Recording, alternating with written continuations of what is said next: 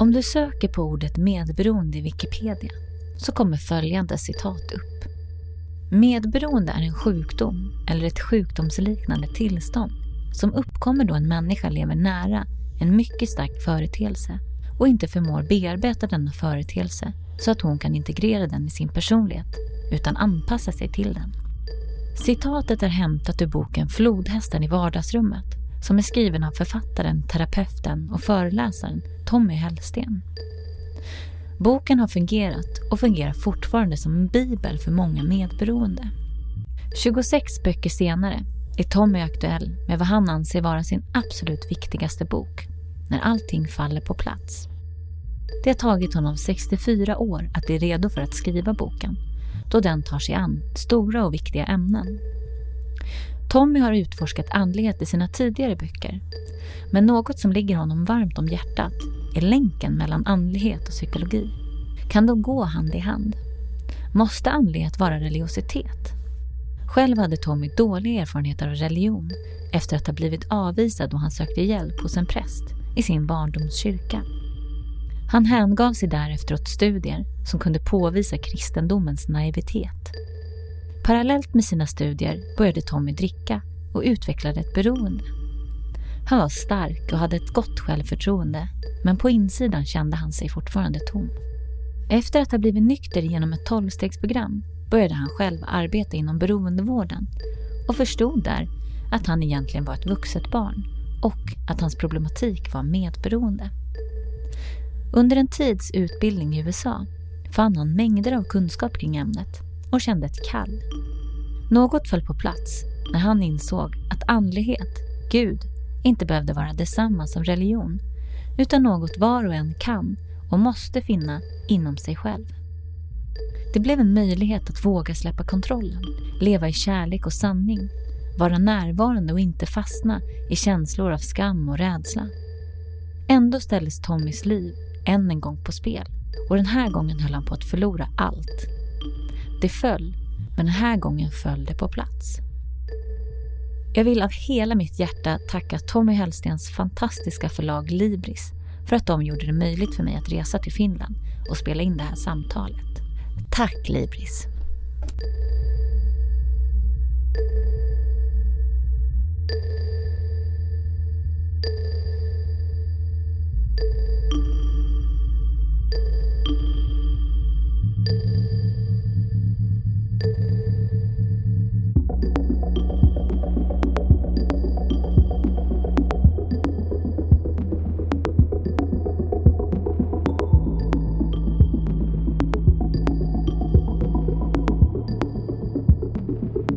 Välkommen till Medberoendepodden Tommy. Tack. Jag tänkte vi tar direkt avstamp i eh, din fina bok När allting faller på plats. Och i början, du inleder ju boken med att det har tagit dig 64 år och 25 böcker att liksom kunna, kunna skriva den. 26. Ja, 26 precis. Ja, det var, eller 26 boken givetvis. Och att eh, det här på något sätt ska vara liksom din, ditt livs viktigaste uppgift. Att skriva boken. Och då tänker jag lite grann så här, varför, varför känner du att den här boken är så viktig för dig? Jag, jag har egentligen hela mitt liv gått och funderat på, på en sak. Förstås bland många andra, men en, en viktig sak som, som finns med i hela min livsgärning som terapeut och författare och föreläsare och privatperson. Och det är förhållandet mellan, mellan psykologi och andlighet, spiritualitet. Och det, det här, eh, jag har ju förstås vävt in liknande tankar i alla mina böcker. Men jag har aldrig egentligen skrivit ut en bok om andlighet. För att jag har varit rädd för att göra det. På grund av att jag vill inte bli förväxlad med, med religiöst tänkande. Jag utgår från att andlighet och religiositet nödvändigtvis inte alls är samma sak. Och varför tror du att det har tagit dig så lång tid då att nå fram till det här? No, en orsak har just, fast, just varit då den att, att jag, jag har varit osäker om, om jag lyckas formulera mig så att jag inte förväxlas, förväxlas med, med någon som förespråkar fundamentalism eller religiositet överhuvudtaget. Och det jag tänker på, du var ju nästan inne på det lite grann här, för att när jag läser den här boken, alltså i alla dina böcker så använder ju du, som du sa precis, dig själv. Att du liksom speglar saker genom dig själv. Men jag upplever att den här boken är så mycket mer personlig på något sätt. Att det känns som att det går in liksom mycket mer i ditt innersta. Har du liksom inte känt några rädslor sådär när du har, när du har gått, ja men även som du sa, tala om andlighet på det planet? Liksom? Jag gjorde egentligen det beslutet eftersom jag vill undvika att bli för filosofisk eller begreppsmässig när jag talar om andlighet. Så gjorde jag helt enkelt det, det, det valet att jag utgår från, från min egen historia. Jag gör den synlig. Så får läsaren så att säga dra sina egna slutsatser istället för att jag prackar på någonting. Mm. Utan, utan det blir mera liksom ett förslag. Att kan man tänka så här kanske? Och, och så här har jag upplevt, så här, detta har varit min väg, så här har jag kämpat, så här har jag kommit fram till någonting. Så det var ett medvetet val att, att använda min egen historia. Och när jag gör det så har jag förstås ingen tystnadsplikt heller, som jag har med andras historia. Det är fint för du eh, börjar ju verkligen, du, du slår ner direkt i, liksom, i din eh, i ditt innersta och i din berättelse. Och eh, du inleder upp om det här med din pappa. Du växte upp med en pappa som var alkoholist. Och du beskriver de här känslorna som, som du hade inför det. Alltså förtvivlan och sorg och o, alltså vara otrygg och, och känna skam. Och sen tycker jag, du skriver Sofia, jag måste nästan läsa det. Eh, du skriver att du upplevde det som att du var ond och dålig istället för att du mådde dåligt på grund av din pappas drickande. Varför tror du att du kände så? För att när man lever i en situation där det inte finns föräldraskap, där det inte finns en möjlighet till ömsesidiga relationer, när de så att säga avvecklas, ömsesidigheten avvecklas, då blir det en skamupplevelse. Jag blir inte sedd, jag blir inte bekräftad, jag blir inte hörd jag finns inte. Mm. Utan då, då, om, om man behandlar mig dåligt, illa, försummar, överger som barn, så då, är, då blir min tolkning inte den att oj, vad du är en oskicklig förälder. Utan min tolkning av det som hände blir jag är, jag är dålig, jag är misslyckad, jag är ond. Och det här på grund av att, att man inte har en möjlighet, kanske inte ens ett kunnande, kognitiva förutsättningar att behandla det som, som man utsätts för. Utan man suger in det i sig själv och så blir det på något vis ingredienser av min, min dålighet, mm. mitt misslyckande. Det här sker ju på ett omedvetet plan och det betyder att du istället för att förstå att du mår dåligt på grund av vad du utsattes för, så blir tolkningen att du är dålig. Och det är ju ett sätt att beskriva att man är skambunden. Mm.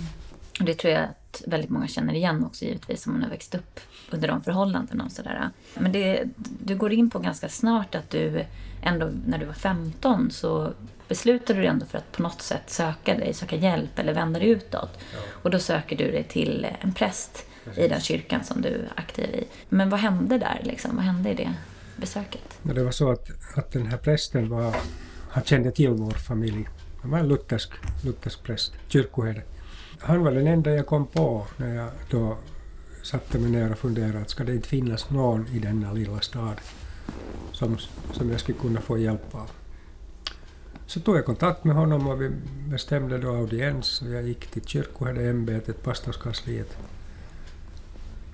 Jag minns att det var en värdig, lite skrämmande miljö med alla läderfåtöljer och skrivbord och viktiga böcker och jag satte mig ner på en läderbeklädd soffa med mässingsnitar med, med ett högt ryggstöd. Och där satte jag mig ner och väntade på att han skulle komma, vilket han då gjorde. Och han satte sig mitt emot mig och jag var ju förstås skrämd, rädd, förbryllad. Vad är det jag sysslar med? Jag, jag håller på att avslöja min familj och hemligheten där. Och trevande och försiktigt kom jag igång med min historia, min berättelse, mitt problem. Och så fort han insåg vad det här kommer att handla om steg han plötsligt upp och sa nej, jag måste tyvärr gå. Så steg han upp, gick ut, lämnade mig sittande 15-årig pojke som hade just tagit fruktansvärd risk på soffan. Men det märkliga är att, att fortfarande nu som 65-åring när jag berättar det så slår mitt, bultar mitt hjärta lite hårdare. Det, det, det, har lämnat ett spår. Jag minns inte vad jag kände, jag minns inte vad jag, vart jag for och vad jag gjorde. Men jag kan tänka mig att jag kände en enorm skam. Mm. Jag hade gjort bort mig jag gjorde fel, jag borde inte ha gjort det här. För prästen visade det åt mig mm. genom att avlägsna sig. Men du kände aldrig att, att du liksom blev provocerad av att han gick ifrån dig eller så, utan du, du vände dig inåt på något sätt? Ja, alltså han gjorde inga fel. Det är först efteråt jag har liksom kommit, kommit underfund med att det var ju ett fruktansvärt beteende av honom. Okunnigt, faktiskt. Ynkligt. Mm. Ynkrygg. Mm. Men det, då kom ju inte den tolkningen utan då kom ju skamtolkningen att jag hade gjort bort mig. Mm. Ja, jag tänker också i den åldern, alltså som tonåring som är ännu skörare på något sätt, att det är så mycket som händer. Ja. Och att du redan då på något sätt har blivit avvisad lite från vuxna tidigare och så är det en auktoritet eller en person som du på något sätt ser upp till eller så, som också vänder dig ryggen. Ja. Det... Så, så han, han, på ett sätt, det var han gjorde, slog en sigill, en stämpel på mm. min skam och giltig förklarade den. Mm. det var det som hände. Det är väldigt tydligt och det förstår jag också. Jag känner igen mig väldigt mycket i det här sökandet som du sen ändå går in i. Alltså det är ju, jag tänker allt ifrån eh, alltså att du, det är som att du testar olika roller och försöker förhålla dig. Och du blir ganska du blir högpresterande, lite cynisk. Du beskriver också det här att du, att du vänder dig lite mot eh, kristendomen och vill liksom på något sätt påvisa naiviteten liksom, ja. som, som finns där. Och, och, även att du börjar studera liksom, och vill mm. på något sätt bli intellektuell och smart. Men att du inte tar dig till det här provet eh, för att det finns en slags rädsla av att du inte kommer vara bäst. Exakt. Och det kan jag känna igen mig väldigt mycket i, liksom, den, det fenomenet. Så. Så det betyder ju bara att jag liksom skapade en tillflyktsort för mig. Det var en överlägsenhet och en suveränitet som vars skuggsida förstås då var den att jag hade ingen kontakt med mina egna känslor och mina egna behov och min otillräcklighet, det sanna i mig, utan, utan jag byggde upp en styrka som baserade sig på att jag förnekade min svaghet. Men det var det enda jag kunde. Det fanns inget annat. För den, den, eh, det är ju verkligen en resa. Och det där är ju lätt att, tänker jag, ta fel på. För det låter ju då, om du börjar tycka att du är intellektuell och ser dig själv som bra, så låter det ju kanske för vissa som att du då tyckte att du var bra och hade kommit ifrån den här skammen. Ja. Men så var det ju naturligtvis inte. Nej, det var ju en reaktion mm. på skammen. Mm. Ett skydd mot skammen, så att säga. Mm. Och det här var jag ju förstås inte medveten om då. Utan jag inbillar mig att jag är jättebegåvad, mm. inte liksom bättre än alla andra. Mm. Sen är det ju så att du ändå söker dig till ganska destruktiva saker. Alltså du börjar till exempel dricka alkohol. Ja. Och eftersom att du är uppvuxen med, med pappa som alkoholist, vad, vad tänkte du kring det? Jag var ju rädd att jag blir likadan. Det var ju en fruktansvärd tanke. Och jag var ju jättemedveten om mitt drickande. För att jag visste en hel del om alkoholism redan då. Så jag kunde liksom iaktta de här tecknen som fanns i mig som tydde på begynnande beroendeproblematik. Så att jag drack med en medvetenhet kan man säga om vad det är jag sysslar med. Hur menar du då? Jag kände till de här liksom faserna och stegen som, som finns i beroendeproblematiken och jag kunde placera mig på den skalan någonstans. Samtidigt som jag försökte fly den här vissheten. Mm, för det det jag tänkte lite grann. Att ja. du, försöker man kontrollera drickandet då för att undvika det eller är det liksom en förnekelse istället? Det blev nog en, en, en ett, verkligheten på något vis knackade på och ville, ville, ville påvisa, ville få mig medveten. Men, men jag tog det inte till mig. Men jag, jag bara hörde den här knackningen men så fortsatte jag dricka. Mm. Så att jag, det var smärtsamt att göra det. Men samtidigt liksom visste vad det är man sysslar med på någon nivå. Och vad gör det med skammen, tänker jag?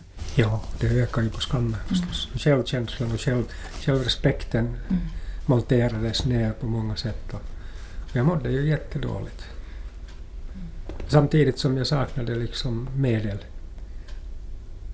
att hjälpa mig själv eller ens få hjälp. Jag försökte i olika religiösa sammanhang. Det var inte bara den här ena gången. Mm. Utan det fanns många olika försök men inom olika samfund att få hjälp. Men eh, överallt så kände jag liksom att jag möttes på något vis av ett religiöst krav istället för att bli sedd, förstådd, bekräftad och hjälpt. Så att eh, jag blev jättefrustrerad på, på religiositet och religiösa samfund. Vad var det för krav du kände att du fick då? Jag måste bli, jag måste liksom bli en kristen. Jag måste bli en, en, en det fanns en bild av hur en kristen beter sig och vad den gör och allt det här kände jag inte att det passar in i mig. Att jag, jag kände att jag måste överge mig själv och min egen integritet om jag ska bli kristen, om jag ska få hjälp. Ändå, ändå så hade jag så mycket liksom, vad ska jag kalla det, skör integritet att jag kunde inte göra det. Jag måste liksom förbli mig själv. Även om jag var en desperat figur mm. så, så kunde jag inte överge den, den desperationen, den desperata figuren som jag var. Och det var ju, det var bra att jag inte gjorde det. Mm. Men istället vantrivdes jag i alla, alla de här religiösa sammanhangen och kände inte att jag kände inte att jag är hemma någonstans. Jag försökte förvandlas till den som jag väntade eller kände att man väntade sig av mig. Men äh, det lyckades aldrig. Men vad tror du det var som gjorde att du... Jag tänker att om du tror att lösningen på något, på något, på något vis finns i den här religionen till exempel. Var det någon du såg som mådde så där bra att du tänkte att det här vill jag ha eller så där vill jag vara? Ja, det fanns faktiskt en farmor som, eh, som var andlig på ett, på ett jättekärleksfullt, glatt, positivt sätt som aldrig gjorde någon, någon, något krav av det, utan hon, hon, bara var det, hon levde det. Hon umgicks med Gud kände jag. Och hon talade om Gud som om som han skulle vara en vardaglig vän. Mm. Och, och, inte bara talade utan liksom såg det på henne, så det blev en sån här bild i mig som ett litet barn att, att, att det här måste ha varit någonting. Så det paradoxala var att när jag sökte mig och studerade teologi så fanns det här, det här cyniska motivet att nedmontera hela kristendomen med vetenskapliga instrument. Det fanns där som ett motiv. Samtidigt fanns det min egen nöd och min bild av min farmors sunda religiositet. Så de här polerna var ganska långt borta från varandra. Men de båda fanns där som motiv. Det är ju intressant tänker jag, för det är ju just den här dubbelheten som jag upplever att det finns hela tiden också i dina Alltså jag tänker det är det du går igenom i all, alla dina sökanden så att säga. Så känns det som att du, bara som du beskrev med alkoholen till exempel, att det är som att du har de, båda de här två sidorna som, som väger på något sätt. Liksom. Mm. Men jag, om man läser då vidare, du hoppar ändå från liksom, de här grejerna till eh, framåt lite i tiden. Och om man säger, du sitter ju här idag och har det, det, den, de yrkestitlarna så att säga som du har. Eh, men i boken så känns det som att det är ganska mycket Alltså att det varit omständigheter eller slumpen nästan som har fått dig in i en riktning. Jag tänker till exempel i att eh, du började jobba med, du blev nykter till exempel, och började jobba med beroendevård och där på något sätt halkade du in lite grann och blev terapeut. Mm. Fastän eh, du egentligen inte skulle ha den rollen så att säga. Och det tycker jag är ganska intressant för det känns som att det har ju verkligen varit någonting som du sen har utvecklat därifrån och jag tycker det är ganska spännande. Nu kan man ju ifrågasätta slumpen och sådär, men mm. det, det, är fint. Jag tycker man ser en sån tråd. Liksom. Om jag nu ser på, på det faktum att jag sökte mig in i, i beroendevården och kände en dragning till det, så var det nog det att jag liksom anade någon slags, eller jag hade ett jättestarkt behov av att få allt det här förklarat för mig. Vad är det fråga om? Varför händer så här med människor? Att vad, vem är jag bakom den här flodhästen, så att säga, bakom min skamproblematik? Så det fanns ett, ett, en aning, en, ett behov som gjorde att jag fumlade mig fram liksom till den världen och hoppades på att jag där skulle kunna få en, en lösning, vilket jag sen då fick också. Mm. I motsats till de religiösa sammanhangen. Vad var det du liksom fann i miljön, alltså bara kring de här beroende personerna och så? Vad, vad gjorde det med dig? Jag kände ju igen beroendeproblematiken som, som jag egentligen inte riktigt kunde, hade kunnat ta till mig. Utan jag, jag var inte riktigt hemma där eftersom mitt drickande ändå var ganska litet jämfört med, med många andra. Så att jag kände mig inte riktigt hemma där, men jag, det, det, det som slog mig och det som blev en fantastisk grej, så det var det här tolvstegsprogrammet som fanns där. Alltså ett sätt att förklara öppna andligheten på ett mänskligt språk, på ett mer psykologiskt språk, som gjorde att jag, jag inte upplevde att det fanns det där kravet där, som det fanns i, i religionen, utan man fick vara den man är och ta det vad man tyckte att man kan ta. Så att det var ett väldigt fritt, öppet, generöst tankesätt och system som, som gjorde att jag började liksom attraheras av det, på grund av att jag kände att det når mig. Jag behöver inte ändra mig och bli någon som jag inte är, utan, utan det erbjöds mig någonting som jag kände att jag behöver. Det var här som skillnaden var. Sen senare insåg jag ju att min primära problematik inte var eh, liksom alkoholberoende, utan det var medberoende. Mm. Det började gå upp för mig sen att jag är ett vuxet barn. Och där först kom jag så att säga hem i, mm. min förklaring. Ja, för jag tänker det att det är ju, alltså du beskriver väldigt mycket ditt beroende i, ändå i, eller din beroendepersonlighet ska jag säga, för det är inte heller bara alkohol utan du pratar om rök och rökning och med mera. Ja. För om jag, minns, om jag förstår det rätt så är Flodhästen i vardagsrummet din första bok som du Precis. gav ut. Ja. ja. för jag tänker att det hoppet där, liksom, för den är ju verkligen medberoende. Ja. Hur lärde du dig mer om medberoende? Var det genom tolvstegsrörelsen, eller hur? Det var nog mina studieresor i USA mm. och min utbildning där. Att det, det, de, har, de, har, de var så mycket före oss här i Norden. Så att de uh, kunde formulera uh, begrepp, igenkänningstecken, de, kände, de hade en inre kännedom om det här fenomenet som gjorde att de förklaringar jag nåddes av kändes rätt. Att de, de, var, de var lite före oss. Så att jag på något vis fick den här känslan av, jättestark den här känslan varje gång jag kom dit och befann mig i de sammanhangen i olika kliniker, att jag kom hem. Det var min första upplevelse att jag har ett hem. Men när i den processen bestämde du dig för att skriva Flodhästen i vardagsrummet? Det gick till på det viset att jag, hade, jag hämtade med mig från ena studieresan i USA en, en hög med böcker om, om vuxet barnproblematiken, fenomenet. Och så ledde jag ett projekt, ett utbildningsprojekt här i Finland på ett, på ett behandlingscenter där, där vi utbildade personal då att ta hand om det här fenomenet i Finland. Och en del av det här var då att jag fick ett förlag att, att ge ut en bok, en amerikansk bok och översätta den på finska och, och, och få, ut, få ut den här. Och den kom ut, men sen bad förlaget mig att kan du inte, har du fler böcker om som de skulle kunna så att säga översätta om det här. Och jag hade ju förstås ganska många som jag förde, hade med mig till förlaget. Men sen kom frågan att kan du inte själv skriva någonting? Och, och det här tog mig någonstans eftersom jag faktiskt hade en dröm att någon gång skriva. Jag hade inte tänkt att den är, den är här nu, den här drömmen.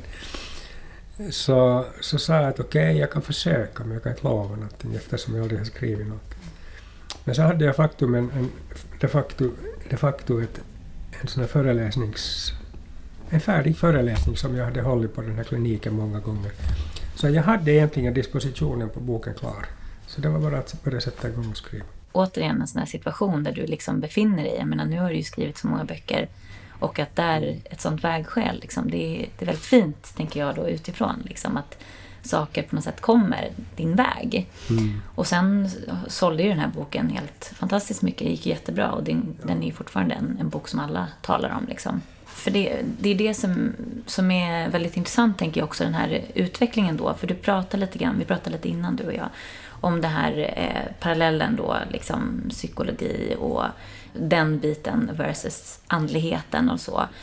Och någonting som du ändå kommer in på i den här situationen där du började själv jobba då eh, som terapeut, du hade utbildningar och du skrev och sådär. Så kommer du ändå in på någonting som du kallar för insjukna i styrka. Vad, hur visade det sig för dig? Det fanns ju med ett, ett, en av mina strategier, överlevnadsstrategier, som då är skydd mot skam var ju förstås då den att jag hade lärt mig mycket tidigt att fokusera på mina föräldrar, på deras behov, deras känslor. För att det var den plats som erbjöds mig i den familjen som barn, som ung, ung vuxen. eller ungdom. Så det, det, det betydde att det, det uppstod en färdighet för mig att, att fokusera på andra. Att finnas till för andra. Det, jag är den som förstår, är den som man får behöva. Och det här blev ju förstås en, en, eh, en strategi som jag hade lätt att ta till mig. Och när man gör det, att det blir en automatik, så sker det lätt så att man börjar jobba fortfarande då utan att kunna fokusera på sig själv och, och ta hand om sig själv och vara människa. Att man, man gör sig viktig och man skaffar ett människovärde genom att finnas till för andra. Och är du då inte medveten om det här så leder du så småningom till, till utbrändhet och att du, du lever i ett utanförskap från dig själv. Så det här måste jag ganska tidigt till all tur fick jag bli medveten om det och, och börja värna mig mot det och, och lära mig att ta hand om mig själv. Att finnas också själv. Ja, för du har ju skrivit om det mycket i, i dina tidigare böcker också. Och just det här också i rollen som eh, terapeut till exempel, eller inom vården och så. Mm. Men jag kan ju känna igen det då bara som, som medberoende, liksom, mm. att hjälpa. Att liksom vara den här som är hjälparen på något sätt.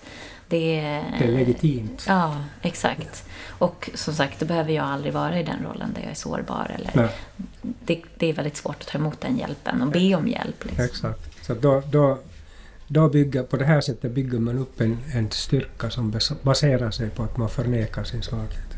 Att den är så främmande. Och, och den, det är väl det som du var inne på också som ofta gör att många medberoende då, som vi pratade om tidigare just med den här insjuknandestyrka återkommer ju. Och att det är väldigt vanligt att eh, personer som lider av medberoende går in i väggen och att det är först då man på något ja. sätt kommer i kontakt med det här överhuvudtaget. Precis, och det egentligen är det bra att man gör det. Mm. För att det blir ett uppvaknande. Mm. Vad är det jag sysslar med? Det är fråga om, alltså sådana överlevnadsstrategier i sig, de är goda. De är helt okej. Okay. För att med hjälp av dem har du faktiskt överlevt i, i eventuellt mycket svåra situationer. Men om du är hänvisad enbart till dem då som vuxen, så då betyder det att då börjar de dränera dig på energi och du lever i ett utanförskap från ditt sanna jag. Mm. Och då överger du egentligen dig själv hela tiden. Mm. Och då tänker jag eh, tillbaka då, för det, på något sätt så att hitta den här sårbarheten är ju väldigt läskigt och, och svårt att vara i om man är van att hela tiden vara den här starka personen och så. Men du har ju som sagt det här återkommande i dina böcker och som du pratar om nu också, den här andligheten. Att för mig känns det som att den fungerar som någon slags balans, alltså att ett sätt att våga vara sårbar och vara i kärlek och, och så mm. som du beskriver det. När vi då pratar medberoende till exempel, jag märker ju överhuvudtaget i Sverige eh, att du har skrivit många böcker och du nämner ju ofta Gud. Men när jag pratar med människor om dina böcker så är det väldigt få som tar upp fenomenet Gud, att du pratar mm. om det. Eller att du skriver om det. Eh, varför tror du att det är så många som är så rädda för det här med Gud? Där ställer du en stor fråga. Mm. det kanske har många svar. Det finns många svar där. Och ett är förstås det då att man har tagit ordet Gud i sin mun på ett sätt som har fått motbjudande följder. Att det har blivit no någonting man slår människorna i huvudet med och ställer krav med. Att det blir den här kravfyllda religiositeten som, som ofta baserar sig på, på en självgodhet och en egen rättfärdighet. Att man, man på en emotionell plan så kanske man genomskådar det och det känns inte bra att vara i närheten av en sån person. För att man upplever på något vis att, att man blir tillintetgjord. Att man blir mindre värd.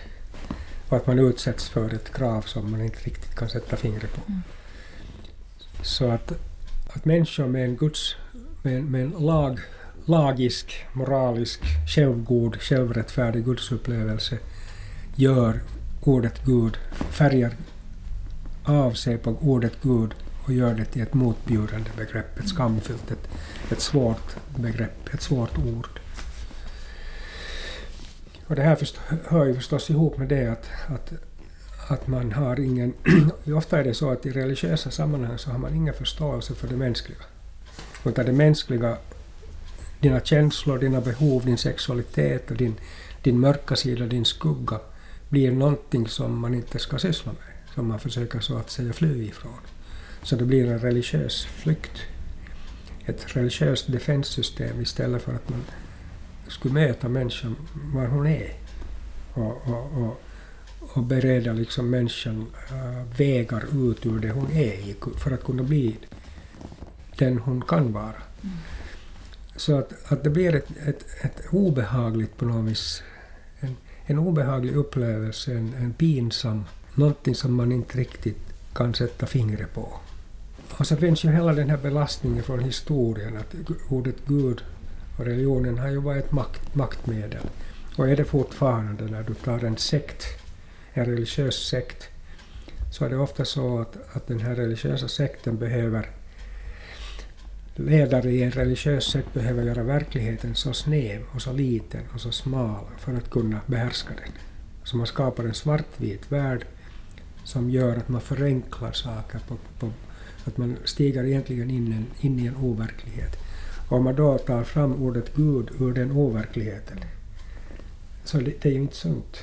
Det är inte sunt och det, ska, det skapar förbryllning och obehag. Och, och därför så dras äh, människor med psykiska problem dras ofta till, till sådana sekter för att man, man målar upp en verklighet som är enkel och som går att behärska. enda du behöver göra är följa den här ledaren eh, blint. Mm. Och därför är det så också att i religiösa sekter, om man ser rakt ut, så är det människor med stora psykiska problem som, som leder sekter. Men de målar upp den, kamouflerar den, skapar en religiös dimridå som gör att, att, att man blir, eh, vad är ordet, man, man tappar sitt omdöme. Och då man samtidigt har ett jättestarkt behov av kärlek, av Gud, om någon religiös ledare då ger sådana jättestarka, fina, härliga löften, mm. så de når dit var ditt behov är. Och ditt behov är så starkt att det gör dig omdömeslös. Så att det finns, det finns en, en, en hel soppa här som gör, gör att ordet Gud upplevs som pinsamt. Mm. Men det här tycker jag är tragiskt för att, eh, för att eh, vi kan inte avskaffa våra andliga, våra spirituella liksom behov, vi har dem. Mm. Men om vi samtidigt, liksom, den enda vägen vi har känt till, om den blockeras i och med det här fenomenet, så har vi svårt att hitta några andra vägar. Så att då, då står vi där med våra andliga behov utan att veta vart vi ska ta, ta vägen med dem. Och det här är ett kulturellt fenomen.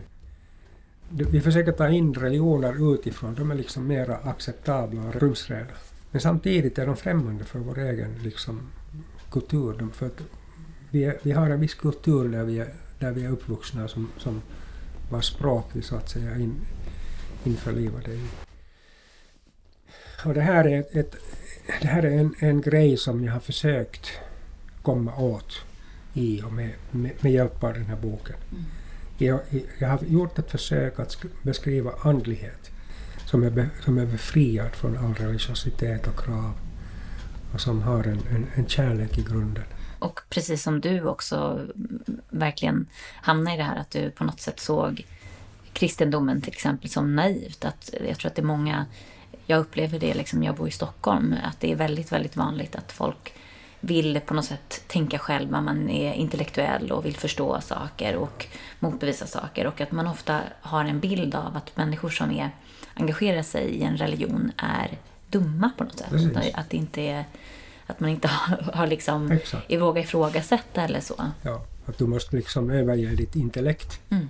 om du ska få någonting ut av andligheten. Men så är det ju inte. Nej. För jag har ju också då eh, gått i, du, du pratade lite om tolvstegsrörelsen och så. Där pratar man ju om en högre kraft eller en, en, en gud eller så.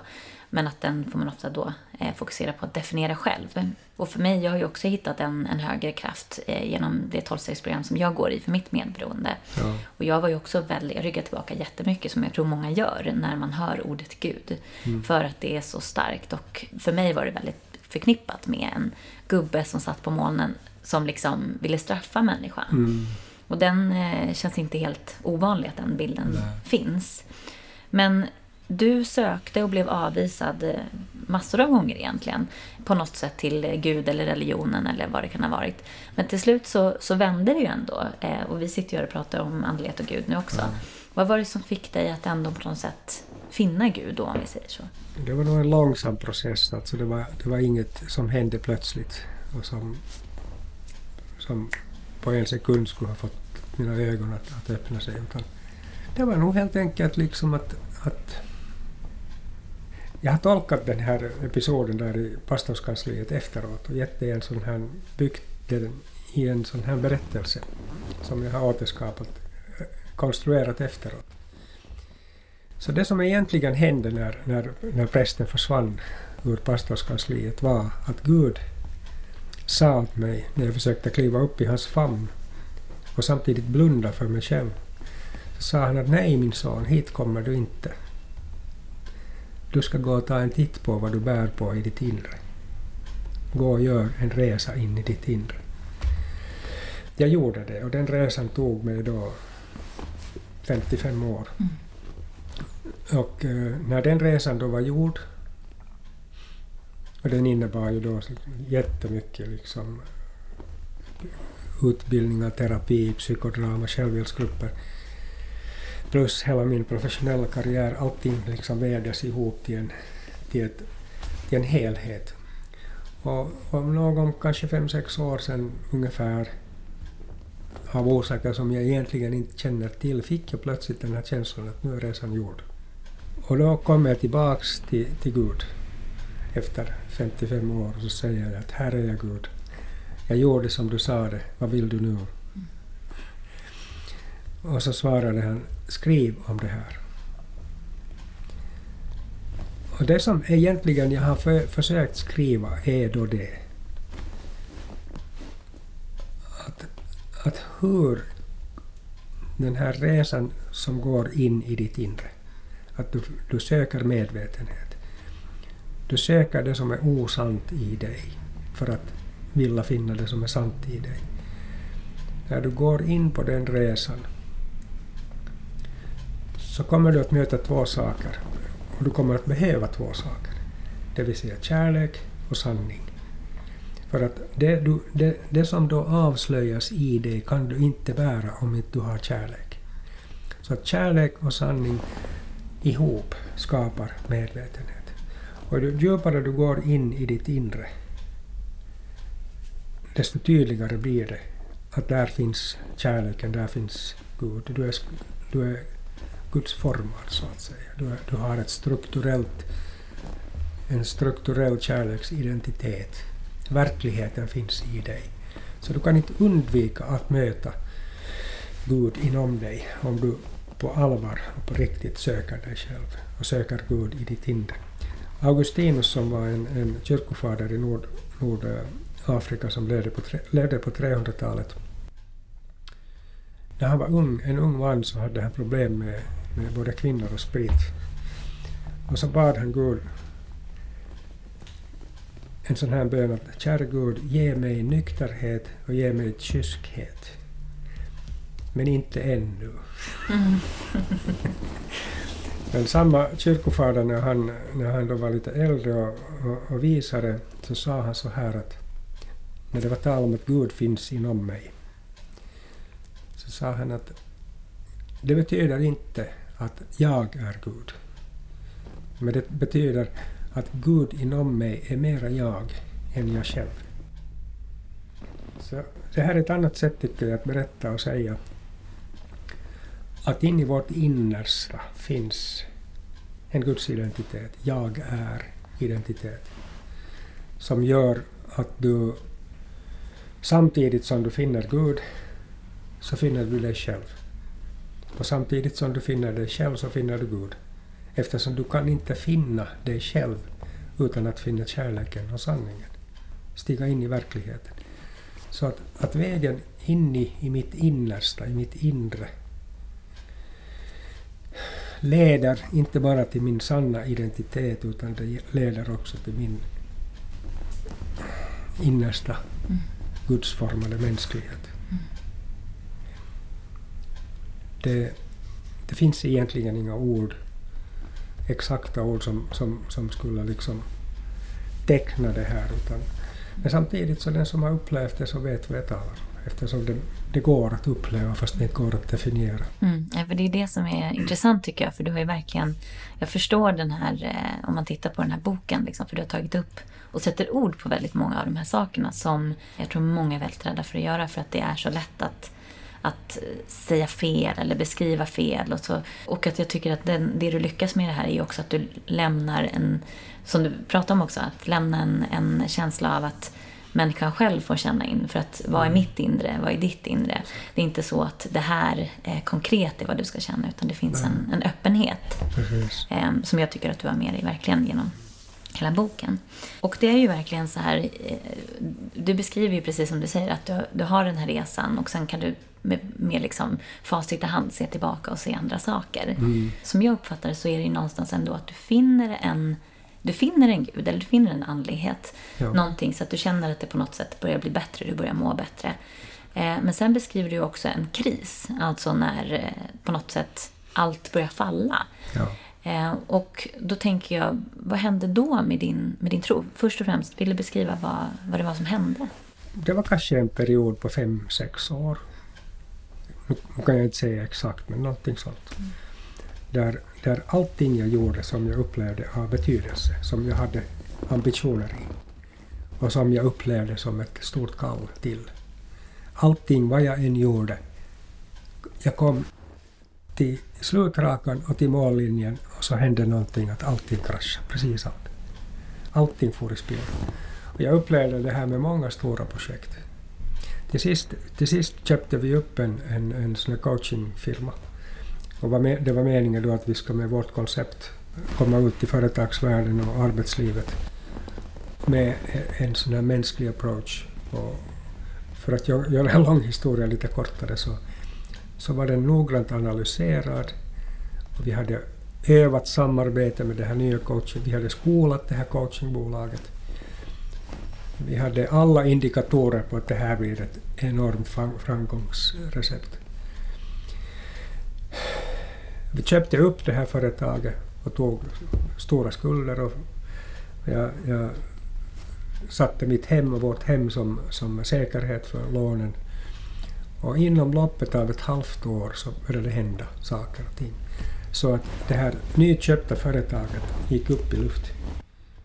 Och enda som blev kvar blev, var en sekreterare och alla skulder som vårt hem var då pantsatta för. Så att det jag upplevde var att äh, allting som jag hade strävat till, hela mitt liv pekade på det här, den här, denna framgång. Så allting gick i kras. Precis allting. Jag, jag stod som 60-åring på spillrorna av mitt liv. Och det, det var efter två månader så är konkursen färdig och vi förlorade precis allt. Allt far. Hem, firman, min båt som är nästan en kroppsdel för mig. Allting precis. Och det var en fruktansvärd kamp. Och och så kom det en, en, en stund i den kampen. Jag kan inte förklara varifrån det kom, men jag accepterade det. Här. Och började se på det som, okej, okay, det kan finnas något gott i det här. Att till en början så kommer jag att göra ett sånt där visitkort. Där det står mitt namn, Tommy Hellsten. Under det står det skärgårdsgubbe. Under det står det inga kontaktuppgifter. Så jag, jag, började planera att vi flyttar in till skärgården en liten röd stuga och lever ett litet anspråkslöst liv och, och äntligen får en vanlighet in i livet. Men det var den stunden där allting började vända. Jag minns jag satt med, med vår, vår ekonomiansvariga och tittade på siffrorna. Så sa jag så här. Mänskligt sett så är det här totalt omöjligt. Det enda realistiska alternativet är ett mirakel. Mm. Och jag visste inte vad jag sa, för nu i denna stund, när det är flera år sedan, lever vi just i det miraklet. Vi förlorade ingenting. Allting har vänt sig, vi har det jättebra. Och, och på köpet har kommit känslan av att leva i ett mirakel, vilket vi gör. Och det finns en enorm tacksamhet och enorm glädje, enorm förundran över att någon kan på ett så här jäkla finurligt sätt planera ditt liv. Men det är också, för det var ju lite det jag upplever det som att på något sätt så är det som att du har varit ämnad för det här. Alltså det är det här du ska göra, det är ditt kall, alltså alla de här grejerna. Och du fick ju ändå väldigt mycket Alltså du är uppskattad och folk såg dig som lyckad, eller ser dig som lyckad, ja. men såg dig som lyckad för alla de här sakerna. Och om jag tänker mig in i den, i den situationen så är det ju då har jag ju liksom byggt upp ett jag som, som på något sätt är det andra ser mig eh, som mm. och som jag själv kanske börjar se mig som. Alltså mm. man har, bygger på en massa titlar och sånt där. Ja. Och eh, om jag då tänker att jag är i den situationen så skulle jag ju vara totalt livrädd. Alltså för att man inte kan se liksom överhuvudtaget vad, vad blir jag då? Vad blir det kvar ja, av mig? Precis. Och då, då tänker jag liksom om man då ändå har hittat någon form av gudstro, liksom, kände du inte tvivel? Kände du inte att, liksom, att Gud var straffande? Eller vad, vad hände det med din känsla innan, innan den här vändningen, så att säga? Jag tror att jag inte upplevde Gud som straffande, men jag upplevde en övergivenhet. En total liksom, brist på kärlek och meningsfullhet och sammanhang. Det som jag har efteråt liksom analyserat, att vad var det i mitt psyke egentligen som hände. Så det var det att, att, att jag hade på något vis äh, hängt upp mitt människovärde i, i min karriär. Att, jag, att det var ett sätt liksom att gestalta min gärning och min mänsklighet och mitt värde. Och den, den var på ett sätt byggd på en total upplevelse och övertygelse, eller en upplevelse och en övertygelse av en total värdelöshet som jag hade djupt, djupt, djupt inom mig. Så att ovanpå den värdelösheten hade jag på något vis ändå byggt upp den här, den här katedralen, så att säga. Och, och, det som hände var att, att katedralen sköts sönder och jag föll ner in i den djupa, djupa, djupa övertygelsen och vissheten om en värdelöshet. Som också hade en, ett tema av övergivenhet, total kärlekslöshet. Efteråt jag fattade, det var just dit jag skulle, för att det var där som mitt djupaste sår var. Och det behövdes en sån här enorm grej för att skapa en tillräckligt stor hävkraft för att förbigå min självbyggda styrka. Så, att säga. så det var det bästa som kunde hända mig. Och när det ändå gjordes så att jag upplevde att katedralen sköts sönder och jag blev tillintetgjord. Jag upplevde det, men det hände inte. Men det blev ändå en, en verklig... Hävkraften var sann och var verklig. Det var som om det skulle ha hänt. Mm. Så att jag har länge haft en stor beundran för the mastermind mm. bakom hela det här, det här manövern. Men det är fint. Jag, jag, på något sätt så, jag menar, jag har ju också jobbat med min tillit och det, det har ju mycket med det att göra, en tillit mm. till Eh, att, att det finns någonting som tar hand om, om det jag inte är kapabel att ta hand om. Och, men jag tror mycket av den tilliten lätt bygger på att eh, ja, men det, det jag är rädd för händer nog inte. Alltså att det finns en känsla av att ja. den här tilliten, ja men det är Gud då, eller min högre makt, ser till att det här inte kommer inträffa. Exakt. Men det jag får känslan när jag läser boken så, så blir det verkligen som att nej, men ibland, jag måste lita så pass mycket att det kanske till och med måste hända. Så jag ja. kanske måste bli hemlös eller så för att det jag egentligen är ämnad att, att göra eller vara liksom, eh, ska, kunna, ska kunna blomma eller så. Och det kräver ju en, ganska mycket tillit. Eh, att våga stå där, precis som du säger, liksom, att, att våga, våga falla liksom, ja. någonstans. Exakt. Du, du har en skarp synthet här, synthet här eftersom det var just det som hände det som aldrig, som jag aldrig kunde tänka mig att skulle hända. Jag kan misslyckas i mycket, mycket annat, men inte i det här. Det här, det här får inte hända, det här kan inte hända. Och just det hände. Så därför har jag börjat prata om, om, om skräddarsydda svårigheter och skräddarsytt lidande för att det ska nå dit vad det gör som mm. sjukast det är ju verkligen så att jag, jag upplever ju det när jag läser och jag kan känna igen det, jag kan relatera till det.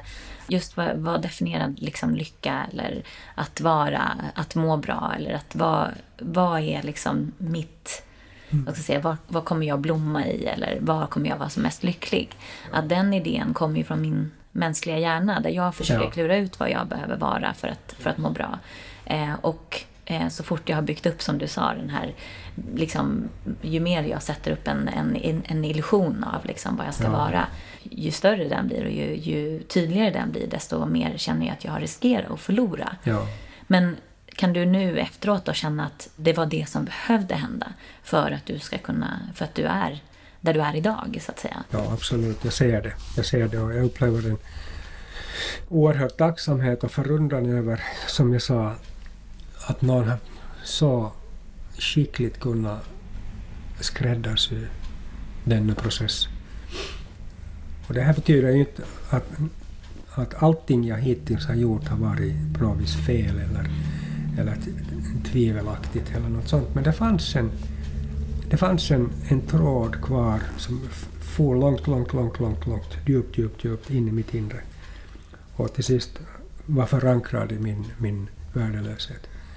Och det var den tråden jag skulle följa, ända ner dit, mm. djupt.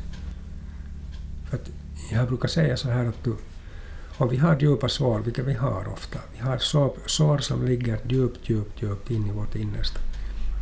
Så för att helas, för att de, dessa sår ska läkas, så måste kärleken nå dem.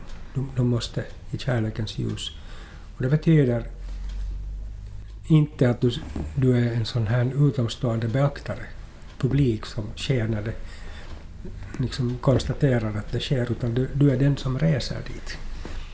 Så du upplever det här såret och du, du, du går in i det fruktansvärda, i det värsta tänkbara. Och i den stunden, jag minns det här så bra, när det var som värst så låg jag uppe i övre våningen på min säng hemma. Och instinktivt så bredde jag ut min kropp som, som om den skulle vara korsfäst. Och jag upplevde en total liksom, övergivenhet, en total ensamhet, mm. hjälplöshet. Och det var den stunden jag nådde såret, så att säga. Då var allting förlorat. Och dit skulle jag. Mm. Men jag visste inte då vad det är jag sysslar med och vad som händer. Jag kunde inte... Eh, vad heter han som dirigerar filmer? Regissera. Regissera. Ah, exakt. Ja, just det.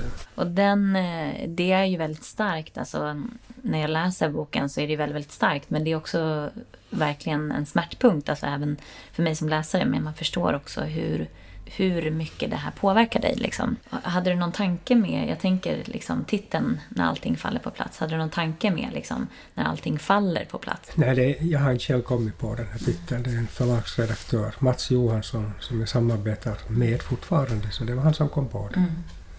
Och det, det föll på plats. Ja, men jag tyckte det var fint, liksom, just ordet faller på plats. Ja, det är faktiskt liksom. sant. Jag har inte tänkt på det mm. där, men, men, när du säger det så är det faktiskt så. Mm.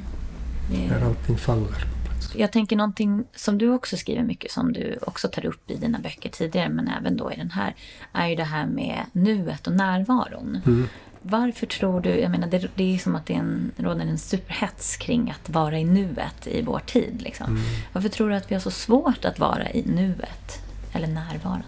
Jag ställde mig den där frågan eftersom som jag, något år sedan, eftersom jag har konstaterat i denna kultur är det ytterst få som på riktigt är närvarande, som du kan möta, som finns där. Utan alla lever i en kronisk brådska. Att ha bråttom det är ju att vara redan i nästa stund, nästa syssla. Så ställde jag mig frågan att om det är så här, så vad beror det på? Vad är den yttersta orsaken och förklaringen till att det, det här är så? Och svaret kom intuitivt. Det är rädsla. Rädsla att inte räcka till, inte duga, inte vara älskad. Och då måste man se till att man duger, räcker till och är älskad. Och det betyder att då, då, då försöker du få fatt allt det här, springa fast det. Men samtidigt så när du springer, försöker springa fast det, så springer du undan det. Mm. För att du kan aldrig, vad än du når så hinner du, du kommer aldrig fram på grund av att du kan aldrig få tillräckligt av det du inte behöver. Så det är rädsla. Så och så ställde jag mig också frågan, vad är det då som ger dig och oss förmågan att, att på riktigt vara här, närvarande? Och det är kärlek. Att jag är nog. Jag har ett värde, jag räcker till som den jag är.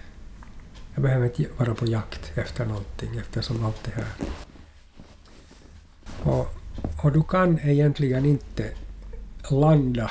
Den första förutsättningen för att kunna landa i närvaron i denna stund är modet att tappa kontrollen.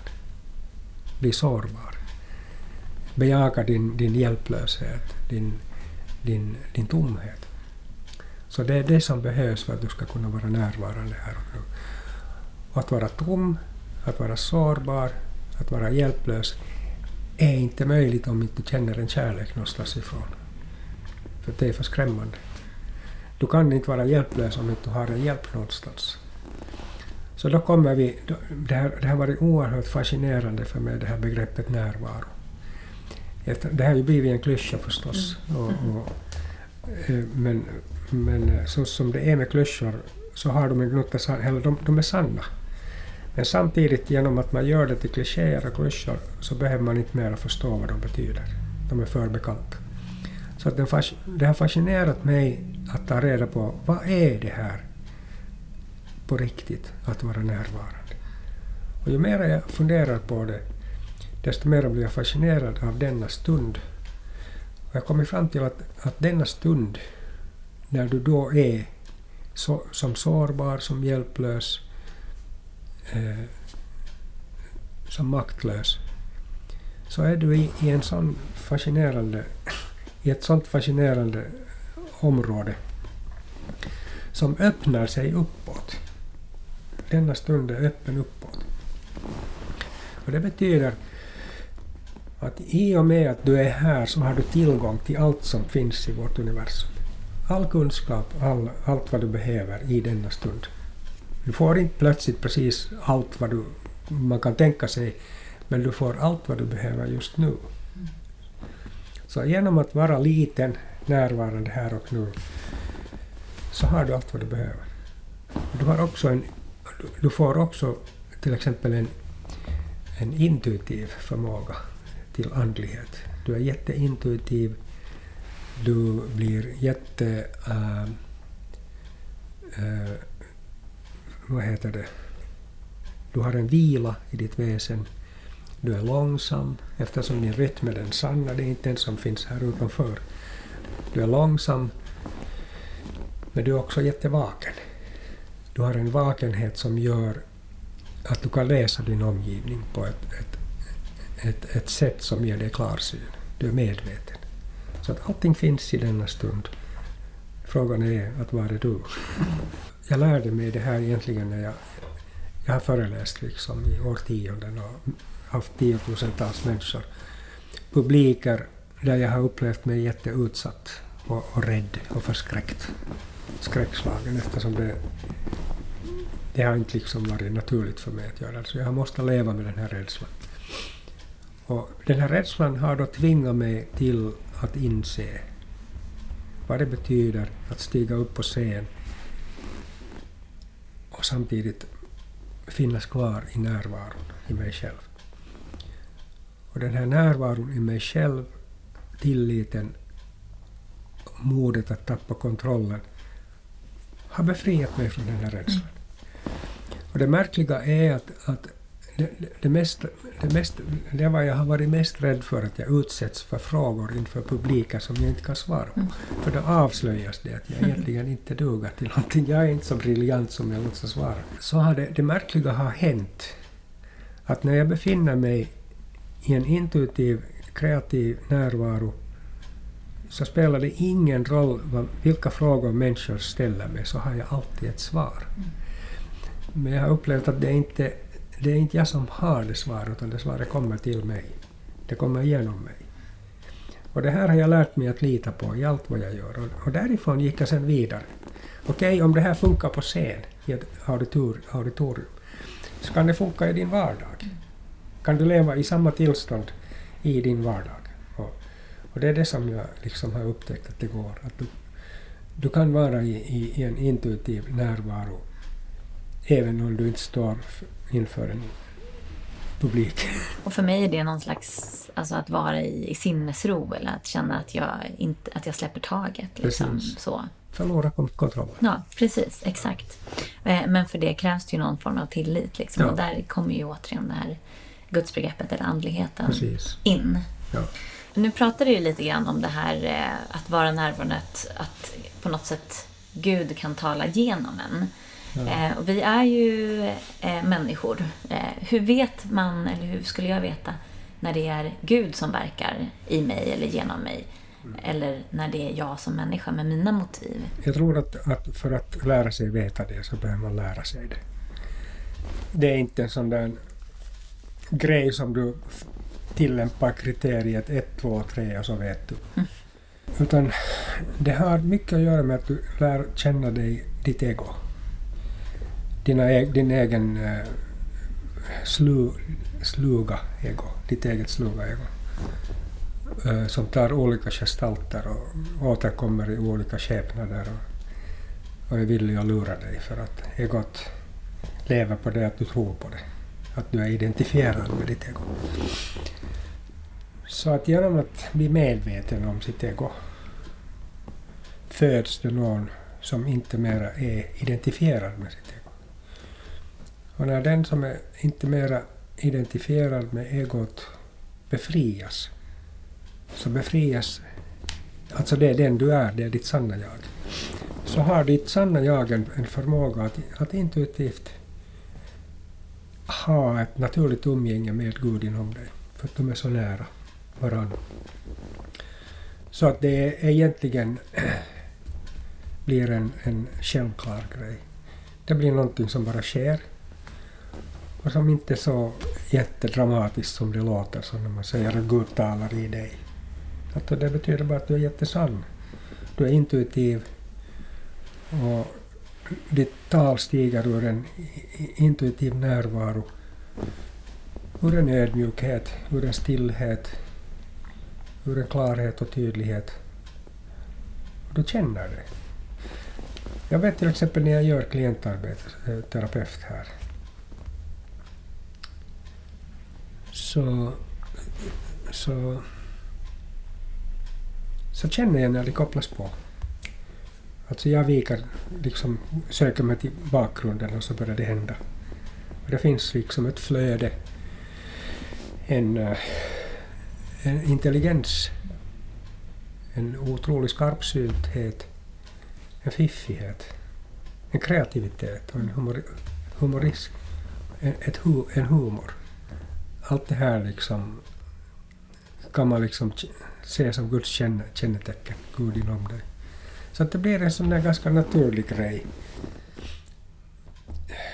Samtidigt som Gud talar i det så är det ju du som talar. Så att du... Det blir ett samarbete. Mhm.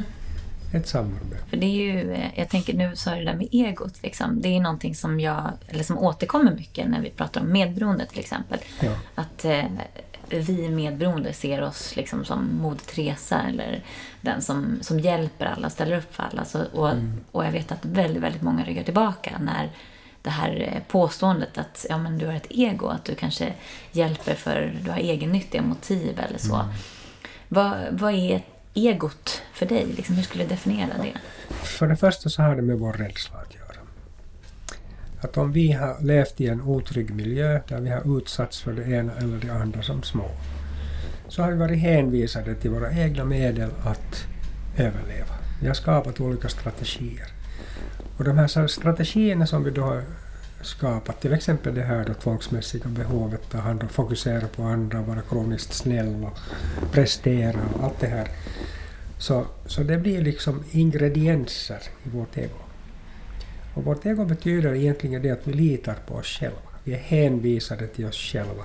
Och, och som, som det, när det är som värst så, så blommar det ut i en självtillräcklighet, en överlägsenhet, en, en förvrängd tro på ens egen förmåga att klara av det här livet. Att man tar livet i sina egna händer istället för att vara i livets händer.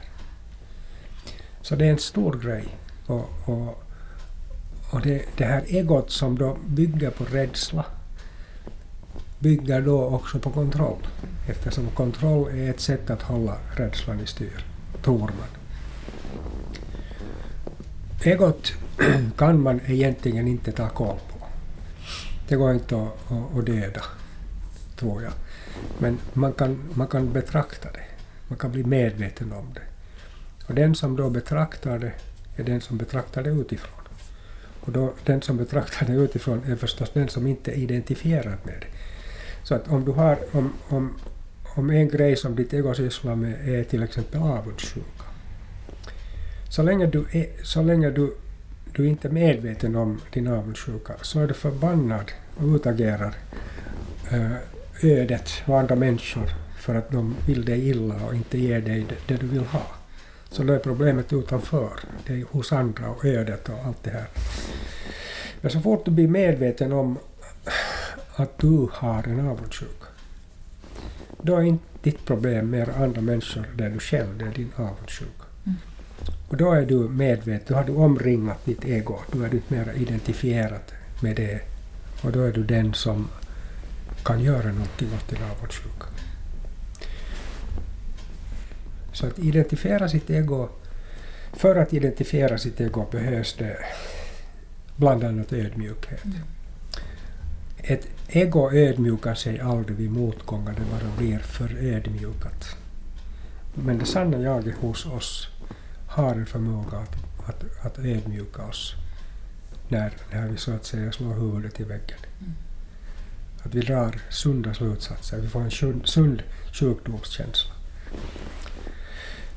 Så att genom att skapa medvetenhet avidentifierar vi oss från, från egot. Jag pratar om närvaro och kärlek och så. Om man tänker att, att det är Gud så låter det som att egot är på något sätt motsatsen till Gud. Alltså att de två är liksom motpoler på något sätt. Ja. Har jag förstått rätt? Va? Ja, det är det. För att det där egot bygger som sagt på rädsla och därav följer egots behov av att kontrollera. Mm.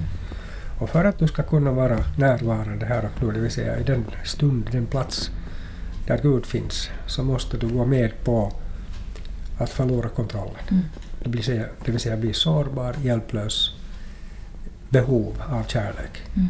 Och det är där du kan uppleva Gud. Och det, det är där du kan uppleva dig buren istället för att bära dig själv. Men det, om man tittar då på lite grann här som vi, som vi pratade om innan, både med, med religion, Eh, du var inne på sektledare och jag tänker om man tittar liksom på samhället nu. Vi pratar om, eh, ja, det är bara att titta på, på IS och, och de som agerar så att säga med religionen bakom sig, som, mm. som tar det namnet.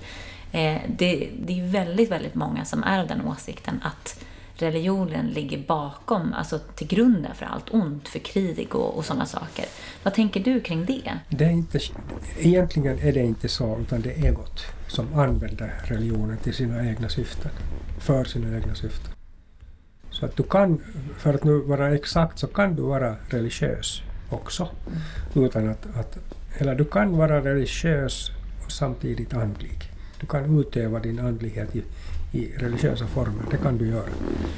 Men du kan också vara religiös utan att vara andlig. Och jag brukar säga så här att där, där egot kapar heligheten förvandlas det till skenhelighet. När egot kapar godheten förvandlas den till självgodhet. Och när egot kapar tron eller andligheten så förvandlas det till, till religiositet eller sekterism. Så det, det är egot egentligen som är den här aktören här. Mm. Det är liksom inte, man säger Gud som är ond, utan det är ju människan som, som agerar. Eh, och jag tänker att det är väldigt många men jag tror att det är just det att, att eh, vem som helst kan säga att jag gör någonting i Guds namn till exempel. Ja. Ur mitt perspektiv så blir ju det också, det bidrar ännu mer till det här, den här fördomen kring ordet Gud eller eh, begreppet religion eller så. Att det, det blir ännu mer på något sätt friktion kring det där. Liksom. Precis. Och det kan hända att när du säger så här, ta Gud så att det säger i din mun och agerar i, i, i Guds namn. Och, och, på det viset kräver du en makt mm. ett mandat. Som egentligen är egots mandat. Mm. Och när vi då känner det här, läser varandra intuitivt, så är det det här vi känner utan att kunna sätta ord på det. Mm. Och därför upplever vi det som motbjudande. Har det här också varit någonting som, som har gjort att du har tyckt det har varit svårt att skriva den här boken just för att du någonstans sätter ord på de här sakerna som, som eh, lätt kan, så att säga, att egot kanske tar över och eh, formulerar det på ett annat sätt eller så? Nej, inte- egentligen. Det har inte varit min rädsla. Nej. Men min rädsla har varit den att jag, att jag helt enkelt inte lyckas beskriva vad jag menar med andlighet utan att förväxlas med religiositet. Att det är en krävande uppgift. Det är jättesvårt eftersom det är så ingrott i vår kultur den här, att vi upp, upplever allt det här som motbjudande. Så fort du öppnar munnen och du använder ordet Gud så viftar man med röda flaggor. Och det betyder att då behöver man inte mera lyssna på dig, man behöver inte ta dig på allvar, man kan förakta dig. Mm. Så att det, det är liksom... eh, Man föses in i, i skyttegravar i ett krig som man inte upplever att man är delaktig i. Mm. Och det här har gjort att jag har jättelänge liksom ställt mig tvivlande inför den här uppgiften och den här boken. För att jag har upplevt det som en så oerhört krävande uppgift. Och samtidigt ett så angeläget ärende att jag vill inte liksom slösa bort min chans att, att göra det. Men om jag nu lyssnar på folks reaktioner som har läst den här boken så där finns reaktioner som är helt otroligt enorma. Och boken liksom upplevs som... Ja, jag kan inte tolka det på något annat sätt än att det har nått det här människors andliga behov som finns bakom den här religionen. För egen del så, så är det verkligen så. Sen om man hittar, det är ju olika var man befinner sig såklart i sin, andlig, sin egen andlighet liksom. Och hur Ja. långt man har kommit i sökandet eller Ja. accepterandet av det eller så. Men det känns som att ur mitt perspektiv när jag läser den så, så ser ju jag vad jag behöver. Eh, jag läser ju mina, min, min hjärna och mina ögon tar in på något sätt det eh, utifrån vad jag är någonstans. Precis. Och du har ju formulerat det utifrån var du eh, Ja. är någonstans när du skrivit det. Men för mig är det väl eh, på något sätt då ett lyckat eh, exempel på hur, hur Gud kan vara i, i närvaron på något sätt. Ja. För det, det måste ju någonstans vara det som, som du har eh, fått när du har skrivit den här boken. Ja, det märkliga är att, att, att eh, förstås, som du säger, så läser vi någon bok, vilken bok som helst, men om vi tänker på den här boken, så läser människor den just ur den nivå av medvetenhet de just befinner sig i. Mm. Och om man då kan ta till sig bokens vis atmosfär eller innersta kärna eller tolka till den nivå du just är. Så det betyder ju att det finns ju någonting i, i den här boken och det, det som där finns kanske just har vävts in av den intuitiva process av närvaro som jag skrev den i. Så att den liksom tjänar människor på olika utvecklingsnivåer. Men det känns som att alla dina böcker är sådana som man kan läsa om och om igen. Att man liksom hittar någonting nytt. När du skriver, liksom, har du, vad är din ingång? Alltså, känner du att du har en tydlig bild av vad det är du vill förmedla? Eller är det liksom lite som en utmaning för dig att se vad det tar dig? Du tar ju dig an ganska komplexa ämnen. Liksom. Jag har mer och mer börjat skriva på det sättet. Jag har någon slags aning om vad jag vill säga. Om vi har ett visst kapitel i en viss bok. Så har jag någon slags aning om vad jag vill säga. Men hur jag sen säger det och hur det kommer ut ur mig, så det har jag ingen kontroll över. Det tar mig, så att säga. Det hanterar mig. och det betyder att det egentligen skrivs i mig. Och jag hör mig, eller ser mig skriva saker som inte jag visste att jag visste. Och då lär jag mig själv när jag skriver. Mm. Och det, det gäller också när jag talar. Att det är just det här som, som jag menar med det att man är, lever i, i närvaro. Mm. Som är öppen uppåt. Och då, då blir det liksom en intuitiv, en intuitiv kunskap som kommer till dig. Mm. Om du inte har ett behov av att kontrollera det. Så det här är det mirakulösa.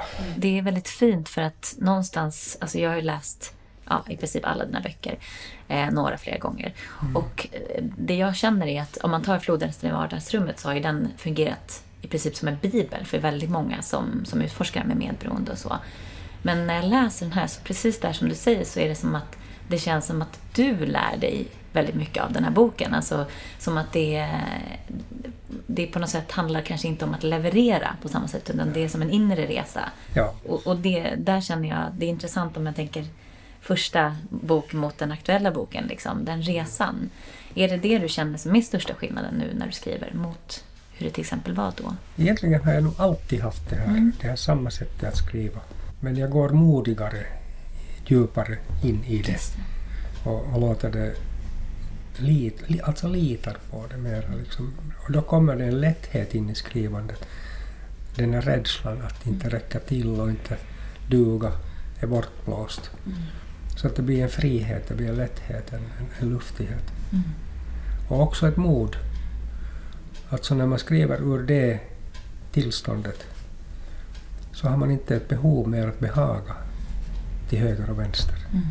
och fråga att får jag skriva, utan jag skriver det jag skriver. Så att det blir liksom en, en, en friare process, en, en lättare.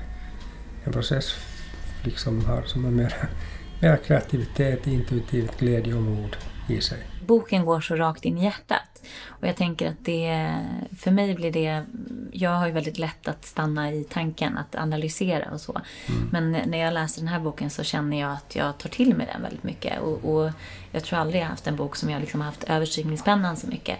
Och när jag nu går tillbaka och tittar på det så är det liksom, och, och om jag läser igen så finns det ju nya saker som jag tittar på. Ja. Just det där att, att det hela tiden, eh, att hela tiden nu spelar roll i, i ja, vad jag gör eller du skriver eller jag jag läser. Liksom. Ja. Mm. Och jag kan tänka mig att om den här boken, eller jag vet att när, då den är skriven ur ett tillstånd av intuitiv närvaro, så kanske den väcker till liv det samma tillståndet i dig. Mm.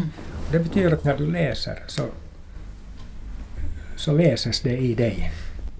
Exakt så, tror jag. Att, att det är på ett sätt liksom Gud som talade i den text jag skrev, mm. Talar till den Gud som är i dig. Mm. Så att Gud har monolog med sig mm. själv. Ja, men exakt. Men du definierar det ändå, eh, du tar ju upp det, nu pratar vi lite grann om religion versus andlighet, Gud och så. Eh, som jag förstår så definierar du ändå dig som kristen. Ja. Det verkar som att det har varit lite, lite svårt, att det kanske inte riktigt har tagits till att det du anser så att säga vara kristendomen, att det funnits kanske lite äh, ja, ifrågasättande kring det utifrån andra då som, som talar i kristendomen. Vad tänker du kring de här sakerna? Min, en av mina svårigheter som jag hämtar fram i den här mm. boken också det här, det här på något vis det här förväntan att, att montera ner sin, sitt intellekt och bli dum, mm. bli liksom enkel fundamentalist. Om du säger att du är troende så det betyder att du är enkel, en enkel fundamentalist som vars värld är svartvit. Mm. Så att här, den här klyschan och den här liksom bilden har jag sprattlat inom. Jag vill inte liksom fösas in i den. Mm. Men ändå vill jag liksom hämta fram det som är kärnan i kristendomen. Det, det som sades 2000 år sedan. Mm. Säger jag egentligen, jag säger egentligen samma saker men på ett, på ett sätt som motsvarar språkbruket och kulturen nu. Och sen eh, Sen vill jag inte bli betraktad som en tant med en blommig hatt. Utan, utan jag vill behålla mitt intellekt och min, kanske min filosofiska läggning och, och, och ändå liksom tas på allvar. Och det här har kanske varit min kamp just med det här att jag, jag vill vara kristen men jag har inget behov att stå med gitarr i ett gatuhörn. Mm. Det måste finnas andra sätt att utöva sin, sin kristendom. Mm. Så att då har jag kommit fram till att den kristendom jag förespråkar, så den befriar mig till den person jag är. Att den får min person liksom att blomstra. Det, det är motsatsen. Mm. Att du befrias från alla klichéer och klyschor som och tvångströjor och, och, och fack. Som man kanske vill sätta in det i. Så att jag upplever att, att, att det är att stiga in i kärleken. Och att stiga in i kärleken är ju egentligen att låta skapa, kärleken skapa dig till den du verkligen är. Att hitta ditt sanna jag. Mm. Din sanna kreativitet och din, din, din begåvning och din, allt det du är. Och det du vill vara. Mm. Så att det är en befrielseprocess. Det, det är inte en process där du måste bli någon för att duga. Man kan säga, då lever du ändå någonstans som troende. Man brukar ju tala lite grann om att man, man är andlig, liksom, men man kan också praktisera andlighet. På vilket sätt praktiserar du andlighet eller andliga handlingar idag? No, jag har gjort det redan i flera årtionden, att jag varje morgon samla mig, stilla mig kring vissa texter och söka närvaro och söka tilltal, söka dialogen, inre dialogen. Det har jag gjort och det fortsätter jag med. Och jag har gjort det så länge så att på ett sätt så dröjer det kvar det här som jag liksom skapar på morgonen. Så det dröjer kvar, det blir liksom en kvalitet kring hela dagen som jag liksom kan återkomma till. Så att på ett sätt fortsätta min morgonmeditation genom hela dagen, då är det som bäst. Jag har inte ett så jättestort behov av att formellt liksom... Jag, det är jättelänge sedan jag har gått till kyrkan till exempel. Jag har ingenting emot att göra det men det har bara visat sig att annat har varit viktigare. Mm. Men eh, ändå vill jag liksom... Jag har hittat på något vis de medel, de instrument som tilltalar mig och som hjälper mig att hållas kvar i närvaron. Mm. Och, i verkligheten. Och förstås det har varit en stor grej att jag har gått jättelänge i, i, i terapi. När jag hade gått 15 år slutade jag räkna. alltså nu har jag ju inte gjort det på 10 år säkert men, men det har varit en viktig del liksom att därför använder jag jättegärna ordet att vara medveten istället för att vara troende. För att, att vara troende det är ett problematiskt ord för mig. För att det, det, jag får åtminstone en sån association att du tror, försöker tro på någonting som du egentligen har svårt med att tro på. Du tror.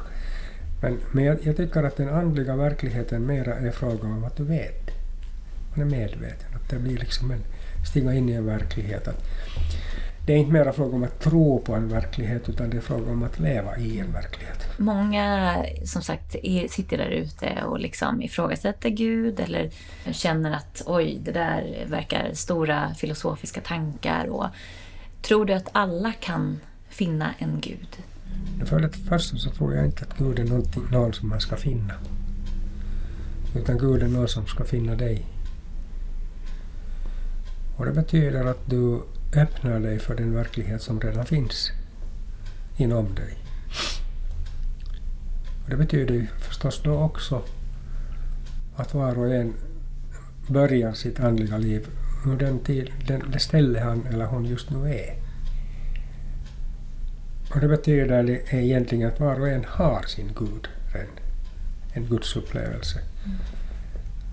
Och det är därför jag tycker om det här i, det är genialt det här i tolvstegsrörelsen, att Gud sådan vi uppfattar mm. honom. För det finns egentligen ingen annan. Att vi måste befrias till den uppfattningen som vi har. Men det betyder inte att den är cementerad eller för evigt fastslagen. Utan ur, ur, ur den uppfattningen börjar vi vår utveckling. Mm. Och utvecklas. Och gå vidare. Och bli mer mogna i vår andlighet. Vi kanske börjar med att det är en, en gubbe som sitter på målkanten med, med vitt hår och, och delar ut straff till höger och vänster och är lite sadist. Maktutövande. Men okej, okay, vi kan börja där. Men sannolikt så kommer vi att ändra uppfattning ganska snart. Om man ser din resa så har du ju verkligen det har gått upp och ner och du har du har ju haft Gud där hela tiden då, om man ser det så. Och att du har kanske fördjupat din kontakt och blivit mer medveten som du sa. Hur ser du på, på framtiden med, med Gud, eller din andliga framtid? För att du har ju någonstans gjort den här super, alltså att det föll och att det varit smärtsamt och så. Mm. Finns det någon rädsla att det ska hända igen eller känner du full tillit att det ska hända? Eller hur ser, hur ser du på det nu? Det är möjligt att någonting händer förr eller senare så händer ju det, det största som kan hända, det vill säga Mm. döden. Men, men på något vis har det kommit en sån där tilltro till att den som orkestrerade det här fallet klarar av att orkestrera också de eventuella kommande fall, fallen. Så att det har nog liksom kommit en sån här trygghet, en, en tillit. Men samtidigt har det kommit liksom en sån här visshet att okej, om nu det som stod för som hinder för den medvet, Guds medvetenhet, medvetenhet jag har nu, om det är nedmonterat, så finns det inget behov av ett liknande lidande Mm. mer. Alltså ett lidande är inget självändamål. Vi är inte här för att lida enbart. Utan om vi har haft skräddarsydda lidanden så kan vi räkna med att våra också, också våra välsignelser är skräddarsydda. Mm. Så att det som kommer ur lidandet är lika genialt planerat och skräddarsytt Mm. som lidandena var. Du var inne på det, men att kapitulera någonstans. Och det känns ju som, alltså, för mig är det verkligen som att din resa har på något sätt, du har kommit till väldigt många liksom, situationer där du varit tvungen att kapitulera Mm. och inse på något sätt din, din maktlöshet. Om man säger den situationen, är det någonting som du känner att du återkommer till dagligen nu efter att ha med dig det? Eller har du liksom på något sätt släppt det? Det är bra att ställa den här frågan för att, att kapitulera, eller jag skulle hellre, hellre använda ordet överlåta. Mm. Att, överlåt, att leva i överlåtelse hela tiden, ständigt, varje sekund, varje minut. Att hela tiden ställas inför situationer där du har möjlighet att agera ut ur ditt ego eller du har möjlighet att välja annorlunda. Ett sätt att avidentifiera identifiera sig från sitt ego är just överlåtelse. Att man säger, istället för att säga ”Ske min vilja så som så i himmelen så och på jorden”. Nej, så, som, så som på jorden så och i himmelen. Så säger man ”Ske din vilja så som i himmelen så och på jorden”. Det är möjligt att hela tiden liksom komma tillbaks. Hela tiden, varje sekund egentligen. För vi ställs för otroliga, otroligt många olika valsituationer. Och då kan vi välja. Men, men om jag inte är medveten om mitt ego, då har jag heller inget val. Då är det egot som väljer. Och som tar tag i mitt öra för mig. Så att det är fråga om, om eh, att, att, att hållas vaken. Att inte slumra. Och ändå gör vi det. Men, eh, men eh, man kan ju alltid vakna efter det att man har slumrat. Jag tror vi stannar där. Okej. Jättefint. Tusen tack Tommy och vi kommer givetvis lägga ut alla, ja, all information och framförallt eh, information om din fantastiska bok När allting faller på plats. Eh, och jag rekommenderar verkligen alla att läsa den för den, eh, det är en sån bok verkligen som, som man kan återkomma till. Alltså som, som får nya betydelser och eh, uppenbarligen en bok som, har betytt, eller som betyder mycket för dig också. Mm. Tack snälla. Tack så mycket. Tack. Som ni märker har den här boken kommit att betyda mycket för mig. Jag tror aldrig att min överstrykningspenna gått så varmt tidigare. När allting faller på plats finns där böcker finns att köpa. Gå in på Libris hemsida för att läsa mer om boken. www.libris.se är adressen. Vill du veta mer om medberoende och vad du kan vända dig? Gå in på vår hemsida www.medberoendepodden.se vill du att fler ska kunna få ta del av Medberoendepodden? Betygsätt oss via iTunes för att göra oss mer synliga och ge fler en chans att lära sig mer om medberoendeproblematiken. Glöm inte att följa oss i sociala medier. Ni hittar oss under namnet Medberoendepodden.